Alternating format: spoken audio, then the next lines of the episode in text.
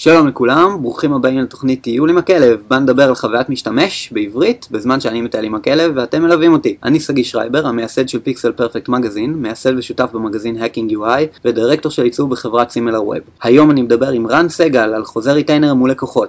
רן הוא מעצב, בלוגר ויזם, מייסד שותף ב New School, בית ספר למעצבים פרילנסרים, הוא גם מייעץ לחברות בנושא של עיצוב מוצר, מיתוג ואסטרטגיה, לשעבר עיצב בחברת Anydo, ולפני זה במשרדי פרסום. רן בוגר שנקר, ובעצם משנינו שנינו בוגרי אותו מחזור ומשם אנחנו מכירים. אז בואו נתחיל.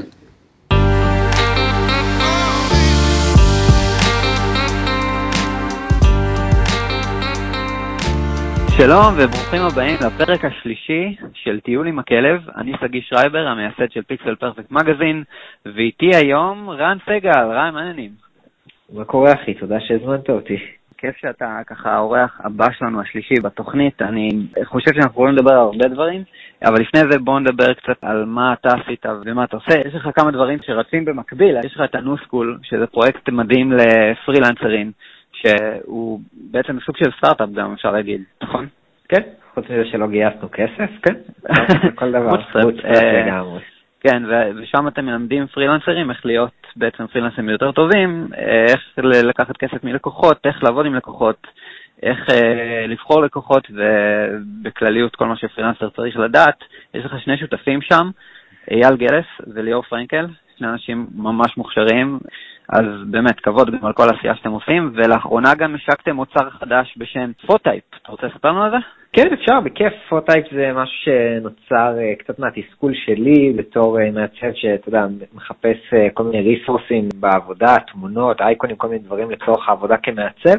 ובדרך כלל גם צריך לפתוח איזה שמונה טאבים, כי אני מחפש במיליון אתרים שונים, וגם נגיד תמונות, אני מוריד תמונה, ואז פתאום אני רואה שהיא הייתה טובה אה, ב desktop, אבל פתאום ב responsive ב mobile היא לא נראית טוב, אז בעצם יצרנו כלי שמאפשר לבדוק איך התמונה תיראה בפורמטים שונים, כשיש עליה טקסט, אה, ואז אתה יכול לראות כבר, לפני שאתה קונה תמונה, איך היא תיראה ב mobile, איך היא תיראה ב desktop, בכל מיני פורמטים, ובעצם לחסוך לך את הזמן, גם של לחפש במלא אתרים וגם של לקנות משהו ואז לגלות שהוא לא מתאים לך כל כך.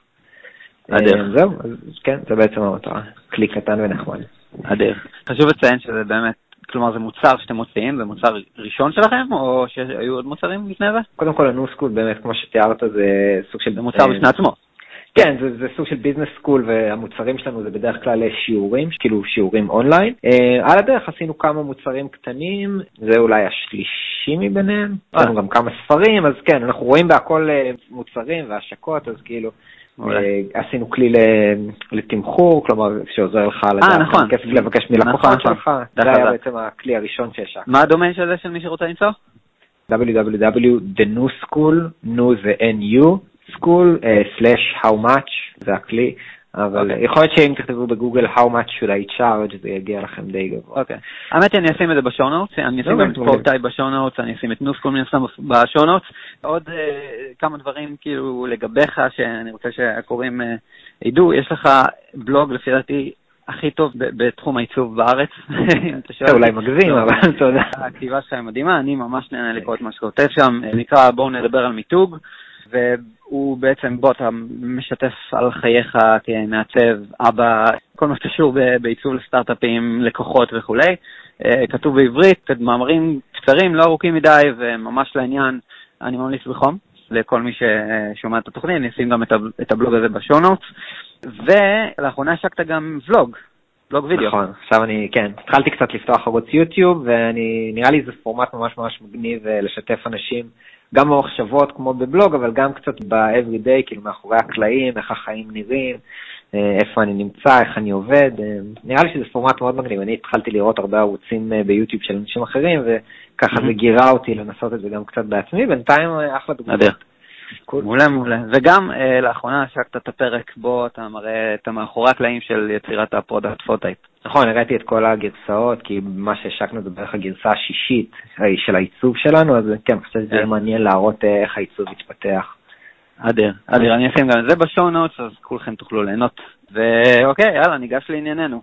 יאללה, קדימה. אז אני הזמנתי אותך במיוחד, כי אני חושב שיש לנו הרבה הרבה על מה לדבר, ובחרנו היום נושא אה, שאני חושב שיעניין הרבה מהאנשים, הוא רלוונטי למה שאתה עושה, הוא רלוונטי למה שאני עשיתי גם הרבה שנים. freelancing ו- וחוזים, וספציפית retainer אל מול פרויקטלי, נכון? כן. אז שמע, אני, מה, מה, כאילו, מהניסיון שלי בעבר, שעבדתי עם לקוחות, אני תמיד האמנתי ב retainer, גם שפכתי על זה די אה, פוסט ארוך ב Pixel Perfect בזמנו. אני חושב שמשהו שאני האמנתי בו בזמנו זה שא', אתה צריך לדעת לתמחר את עצמך, ברגע שאתה יודע לתמחר את עצמך ואתה עובד retainer, יש לך הכנסה קבועה כל חודש, וככה אתה יכול לחיות כפרילנס בלי בעיה. אני לא יודע, אני עוד שנייה אתן לך לדבר על כאילו מה, מה אתה עושה ואיך אתה, מה אתה מאמין בו. לאחרונה, ממש לאחרונה, התחלתי לשמוע אה, כמה מהפרילנסרים היותר אה, מנוסים בעולם, מכל מיני פודקאסטים בחו"ל, שמדברים על לתמחר את עצמך לא לפי שעות, כי זה דווקא דופק אותך ומגביל אותך, ואז כאילו אתה מתחייב בשביל הלקוח שלך לעבוד לפי שעה, וזה הופך אותך ל slave, זה הופך אותך בדיוק לא כמו בן אדם שבא לעבודה ודופק שעון. ולעומת זאת, מה שהם אומרים זה תתמחר לפי כמות ההכנסה הפוטנציאלית שזה יכול להביא לעסק, שעכשיו אתה מעצב בשבילו. זה נקרא value pricing. נכון, בדיוק. אז בוא, בוא ספר לי על האני מאמין שלך בנושא הזה. זה מצחיק, בא לי להגיד כולם צודקים. כאילו, האמת האמיתית היא שאתה יודע, לכל דבר יש, יש trade אה, off ויש pros and cons. אני באופן אישי חסיד גדול מאוד של retainer, ואני אסביר למה, כאילו לדעתי זה טוב בכמעט כל פרמטר, אבל כן, אבל אני לא שולל שיש גם יתרונות ב, בשיטות אחרות. כן.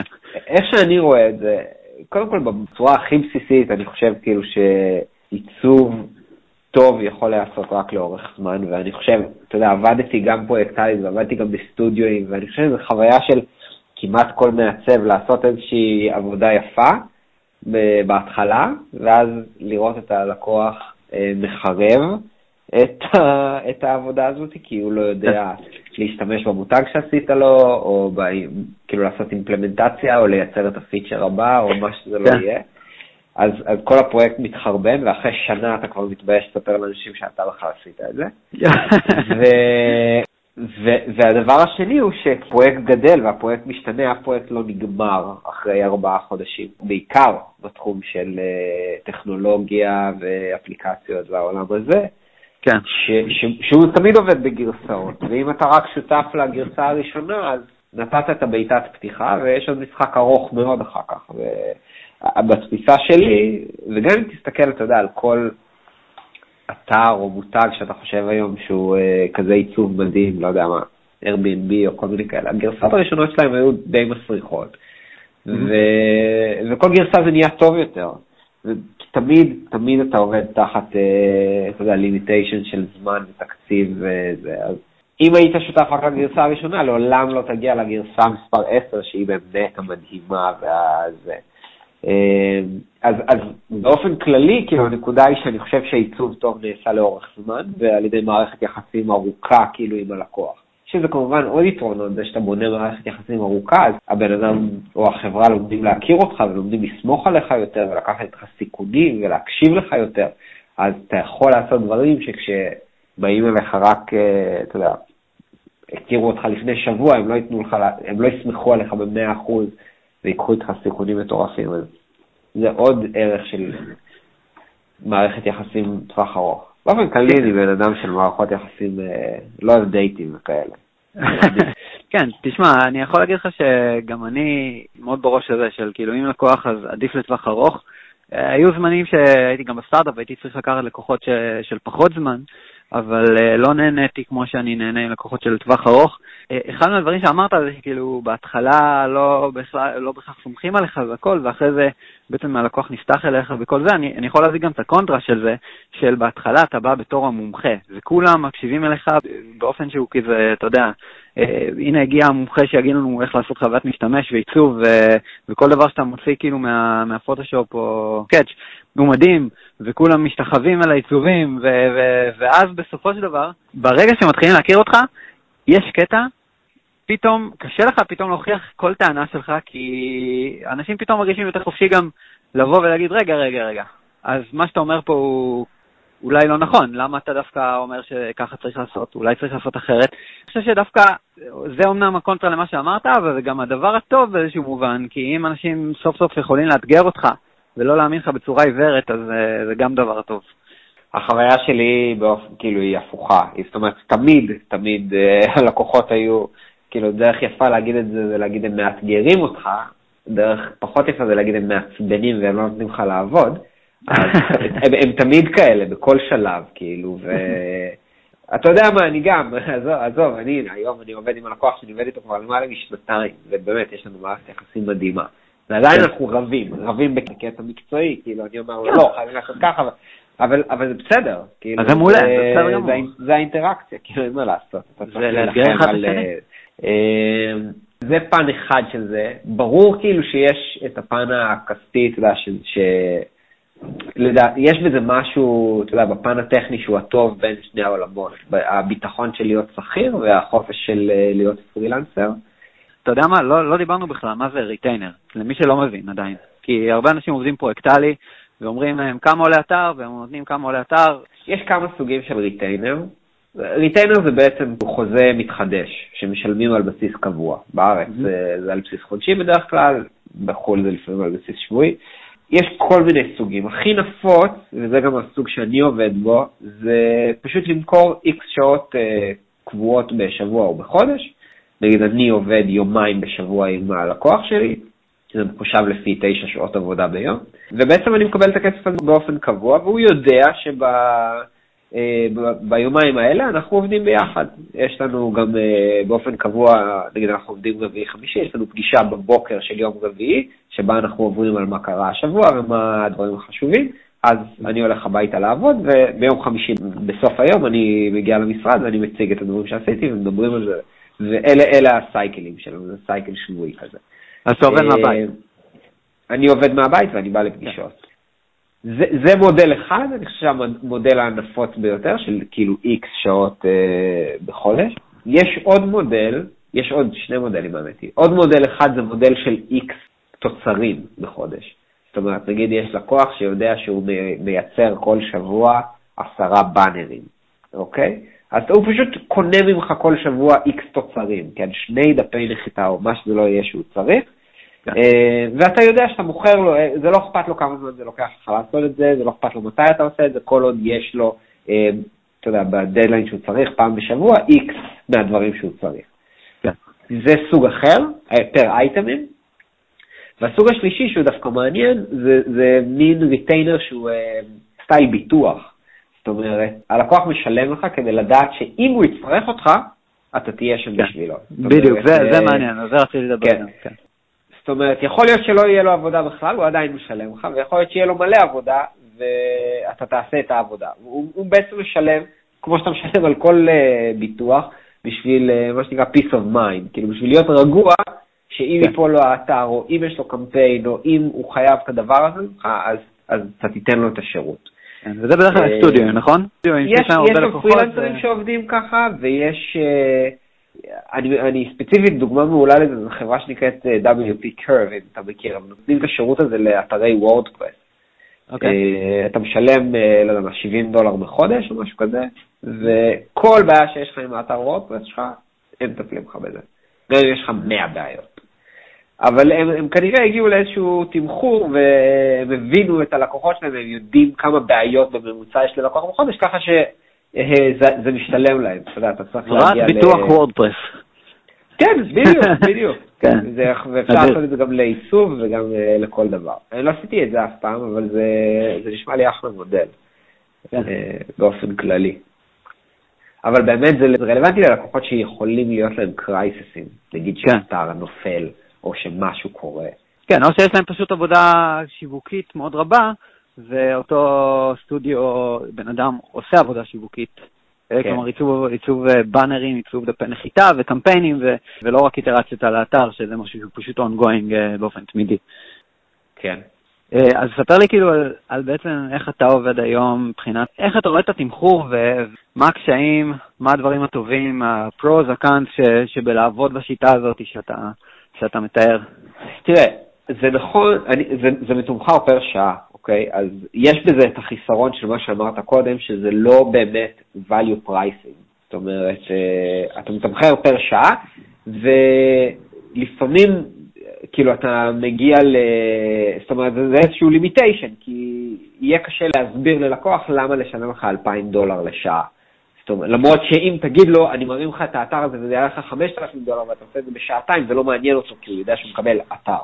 אז יש בזה את הלימיטיישן הזה. מצד שני, יכול להיות שאתה בנית את המערכת יחסים ככה שבאמת יש שבועות חלשים ויש שבועות uh, שהעבודה לא באמת לוקחת לך תשע שעות, אבל עדיין הספקת אותה, כאילו, אז uh, זה לא באמת, זה שבסופו של דבר, בראש של הלקוח, זה באמת, הוא אומר, אוקיי, זה עולה לי איקס כסף בחודש. הוא לא אומר, אני קניתי איקס שעות בחודש, הוא אומר, הסרוויס של הבן אדם הזה עולה לי איקס שקל או דולר בחודש, כן. ובשביל זה אני מקבל, אני יודע שאני מקבל את השירות. בסוף זה לא באמת השעות, כאילו, אתה יודע, אני לא שולח אה, דיווח של שעות.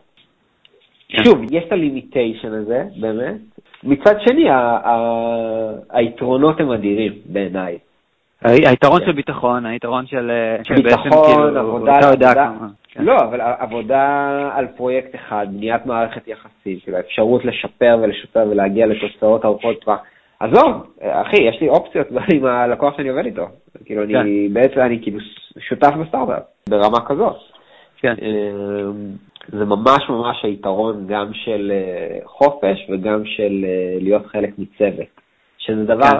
סופר חשוב בעיניי. אה, לפעמים אתה בא מבחוץ, אתה עושה את העבודה ואתה הולך הביתה, המפתחים לא מתחברים, לא יודעים ליישם, לא זה, ומהניסיון שלי העבודה המשותפת והעבודה לאורך שלב היישום היא ממש ממש ממש חשובה. עכשיו אני אגיד לך עוד דבר, בסוף כשאתה עושה פרויקט הרי אתה גם עושה את החישוב כמה זמן אני מדמיין שזה ייקח לי, אוקיי? נכון. ומה קורה בדרך כלל, בעיקר שוב בפרויקטים טכנולוגיים? הדרישות משתנות. למישהו יש רעיון לעוד איזה פיצ'ר, או, או שלך יש רעיון, או משהו כזה, אבל אם, אם הלקוח יבוא ויגיד לך, בוא נוסיף עוד את הדבר הזה, אתה מיד תבוא ותגיד, היי, היי, היי, היי, היי, זה לא מה שסיכמנו, זה יותר עבודה. כאילו, כן. אז מה, אתה רוצה שהפרויקט לא יצא הכי טוב, או שאתה לא רוצה להפסיד כסף? אתה כאילו נהיה פה מין ניגוד אינטרסים. אתה מבין? או עזוב, כן. לך יש רעיון איך לעשות את זה ממש יותר טוב, אבל אתה יודע שזה ייקח לך עוד קצת זמן. אז אתה לא תעשה את זה כי אתה לא רוצה להפסיד כסף, כאילו זה, זה נגד טובת הפרויקט. בעוד שאם אתה בריטיינר, והתוכנית השתנתה, ונוסף עוד שבוע, אוקיי, אז זה ייקח עוד שבוע. ועוד שבוע עולה כסף, אבל הכל טוב, כאילו אין, אין לי בעיה עם זה. כן, זה הרבה יותר קל. כן, אני אשמח, כאילו, ו... והכל טוב. כן. אני רוצה לעבור רגע לדבר על אנשים, הרבה פעמים שסיפרתי להם שאני עושה ריטיינר, כלומר, אני, אני עובד בדיוק כמו שאתה עבדת. אה, יש כמה נושאים שקשורים בזה, אחד מהדברים האלה שאנשים תמיד שאלו אותי זה, אבל איך אתה משכנע בן אדם להתחיל לשלם לך לפי שעות? כי אנשים לא באמת יודעים להעריך שעות של מעצבים. הם באים ואומרים, מה פתאום עכשיו אני אשלם לך כאילו שעתי, אני רוצה, יש לי פרויקט מסוים לעשות, הם לא יודעים שהפרויקט הזה הוא, הוא פרויקט של חוויית משתמש, שהם לא יודעים בעצמם שהם עומדים לשנות את דעתם איזה עשר פעמים במהלך העבודה על הפרויקט הזה. אפילו חברות מוצר שהם כבר, אתה יודע, סטארט-אפים שהם די סגורים על עצמם, הם גם לא יודעים את זה. אוקיי, אז יש שני דרכים לתקוף את זה. יש שני סוגים של אנשים. אחד זה קל ואחד זה נגיד פחות קל. הקל זה בן אדם שגם ככה יודע שהוא רוצה לעבוד עם מעצב לאורך זמן, אוקיי? יכול להיות שהוא מחפש מעצב במשרה מלאה בכלל לחברה, ויכול להיות שהוא רוצה חצי משרה או לא יודע מה, אבל הוא מבין, הוא תחת ההבנה שהוא רוצה לעבוד עם מישהו לאורך זמן. טוב, זה קל, כי הוא כבר יודע שהוא רוצה לשלם כסף למעצב כל חודש, אז רק mm-hmm. נשאר כאילו להסביר לו שאתה הבן אדם הנכון. היותר קשה זה כמו שאתה אומר, זה בן אדם שרוצה רק לעשות פרויקט. עכשיו, במקרה הזה אפשר להסביר את זה בצורה קלה. סתם אני אומר, נניח הבן אדם אומר, אני רוצה לעשות אה, אפליקציה, וזה צריך להיות מוכן תוך שלושה חודשים.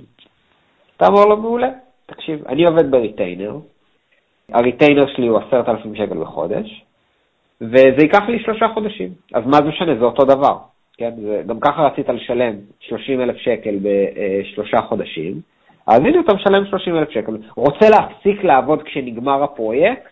בסדר, תראה באיזה פרויקט פרויקטלי שפשוט שילמת בשלושה תשלומים. מה שלי קרה מהחוויה שלי, זה שאחרי שאתה עושה עבודה טובה חודש, הבן אדם מבין למה הוא רוצה לעבוד איתך לאורך זמן.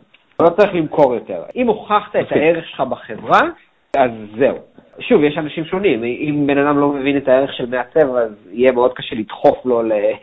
אתה לא תוכל תכריח אותו לשלם למעצב, אבל בן אדם שעבד עם מעצב, גם אם הוא חושב שאתה יודע, שזה לתקופה מוגבלת, ואז הוא אומר, וואלה, בואנה, זה ערך ממש גדול לחברה שלי, וזה מקדם את החברה שלי למקום טוב, וזה אחלה בן אדם לעבוד איתו, אז בוא נמשיך, מה הבעיה?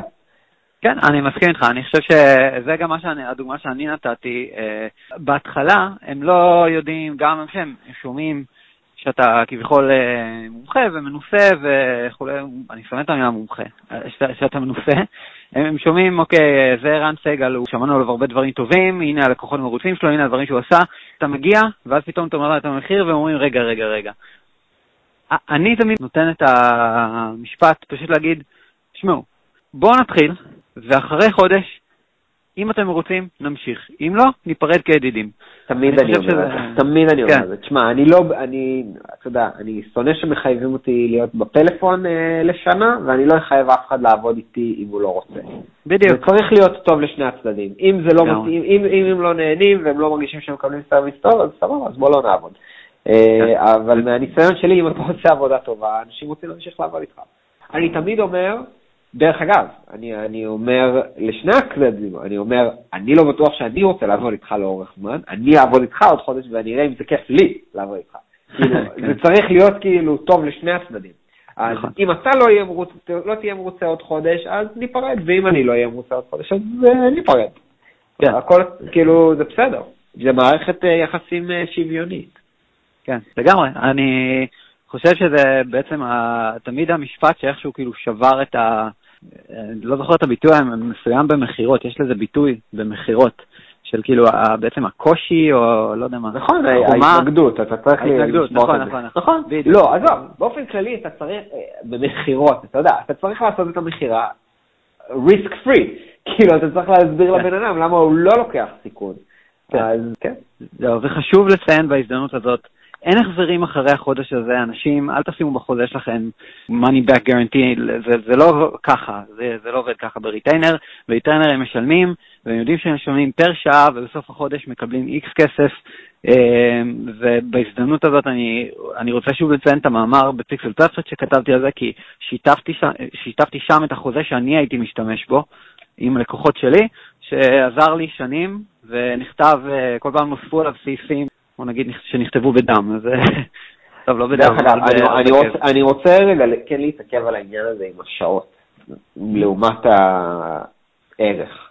כש- כשאני מתחיל סוג של התקשרות כזאת, אני אף פעם לא אומר, הנה מה שאתם מקבלים, אתם מקבלים איקס שעות ואתם משלמים איקס כסף. זה ממש לא ככה, כי זה לא מה שהם רוצים ממך, שעות. מה כן. שהם רוצים זה משהו, זה אפליקציה, זה אתר, זה מותג. אתה אומר להם, אני מביא לכם אפליקציה בחודשיים, וזה עולה לכם ככה וככה. כמה זמן אני עובד על זה? מה אכפת לכם כמה זמן אני עובד על זה? אבל אתה אומר להם בחודשיים? כלומר, אתה נותן להם הארכת זמנים? אני כן אומר, אני עובד איקס שעות בשבוע על הפרויקט הזה, וזה ייקח לי איקס שבועות. אז מה, אתה אומר שייקח ה-bottom לי line X שבועות. מבחינתם, נכון, מבחינתם אבל הבטום ליין הוא, תוך חודשיים תהיה לי אפליקציה, וזה כמה שזה יעלה. אוקיי? זה לא באמת ש- מעניין אותם שהם קנו 15 שעות ובמחיר כזה וכזה. אתה מבין? מה ברור. שמעניין אותם זה שהם קנו אפליקציה במחיר הזה, בתאריך הזה. זה מה שהם רוצים לדעת. איך אתה יודע להגיד להם, אני, אה, יש לי עכשיו, כל, חודשיים אה, אני נותן לך אפליקציה.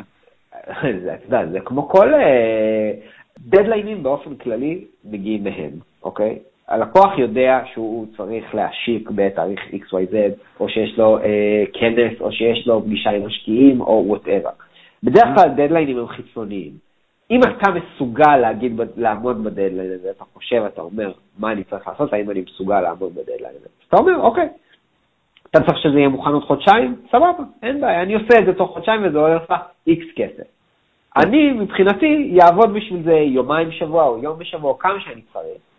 אחר כך, כשנמשיך את ההתקשרות, היא תהיה על בסיס אותו תמחור ראשוני, אבל בהתחלה, במקור, אתה אף פעם לא אומר לו, הנה, כאילו, מה שאתה קונה עכשיו זה שעות, אתה מבין? אחר כך הוא יודע אבל מה היה הבסיס השעתי שעל בסיסו ממשיכים? כי אחרי שמהניסיון שלי לפחות, אחרי שאתה עושה את הדבר הראשוני, בהתחלה אפשר, נורא קל להגיד, אוקיי, עושים אפליקציה, עושים אותה. אחר כך זה מתחיל להיות קצת יותר מסובך, כי עושים תיקונים, שיפורים, עוד גרסה, אז כאילו זה כבר לא בדיוק אה, מתמחרים את זה, אבל אתה ממשיך לעבוד על אותו בסיס שעתי. אבל כן. כשעשית את המכירה לצורך העניין, כשסגרת את החוזה, אתה לא מספר את הסיפור של, הנה, אתה, אתה מקבל איקס שעות. אתה אומר לו, אתה מקבל את מה שאתה רוצה לקבל, שזה המוצר, התוצר, השירות. אבל בחוזה כתוב מספר שעות. כתוב כתוב, כתוב, כן. ברור. כלומר, מה שהוא חותם עליו זה שעות, בסופו של יום. כן, ברור. מה שאתה אומר לו בתהליך. המכירה הוא משהו אחד, מה שהוא חותם עליו בסופו של דבר זה... לא מחביא שום דבר, אבל השאלה היא רק מה הסיפור שאתה מספר. או, כן, ברור. אתה יודע, מה אתה לא, רוצה... לא, ברור, אני לא אומר את זה בקטע רע, אני אומר את זה בקטע של כאילו, שיהיה ברור למי ששומע את ה...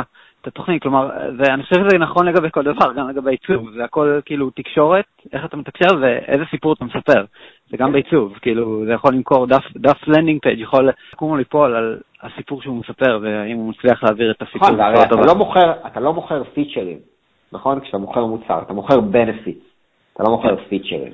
אז זה לא שאני לא יודע מה הפיצ'רים שאני קונה, אני יודע מה הפיצ'רים שאני קונה, אבל אני לא קונה את זה בשביל הפיצ'רים, אני קונה כן. את זה בשביל הבנפיט.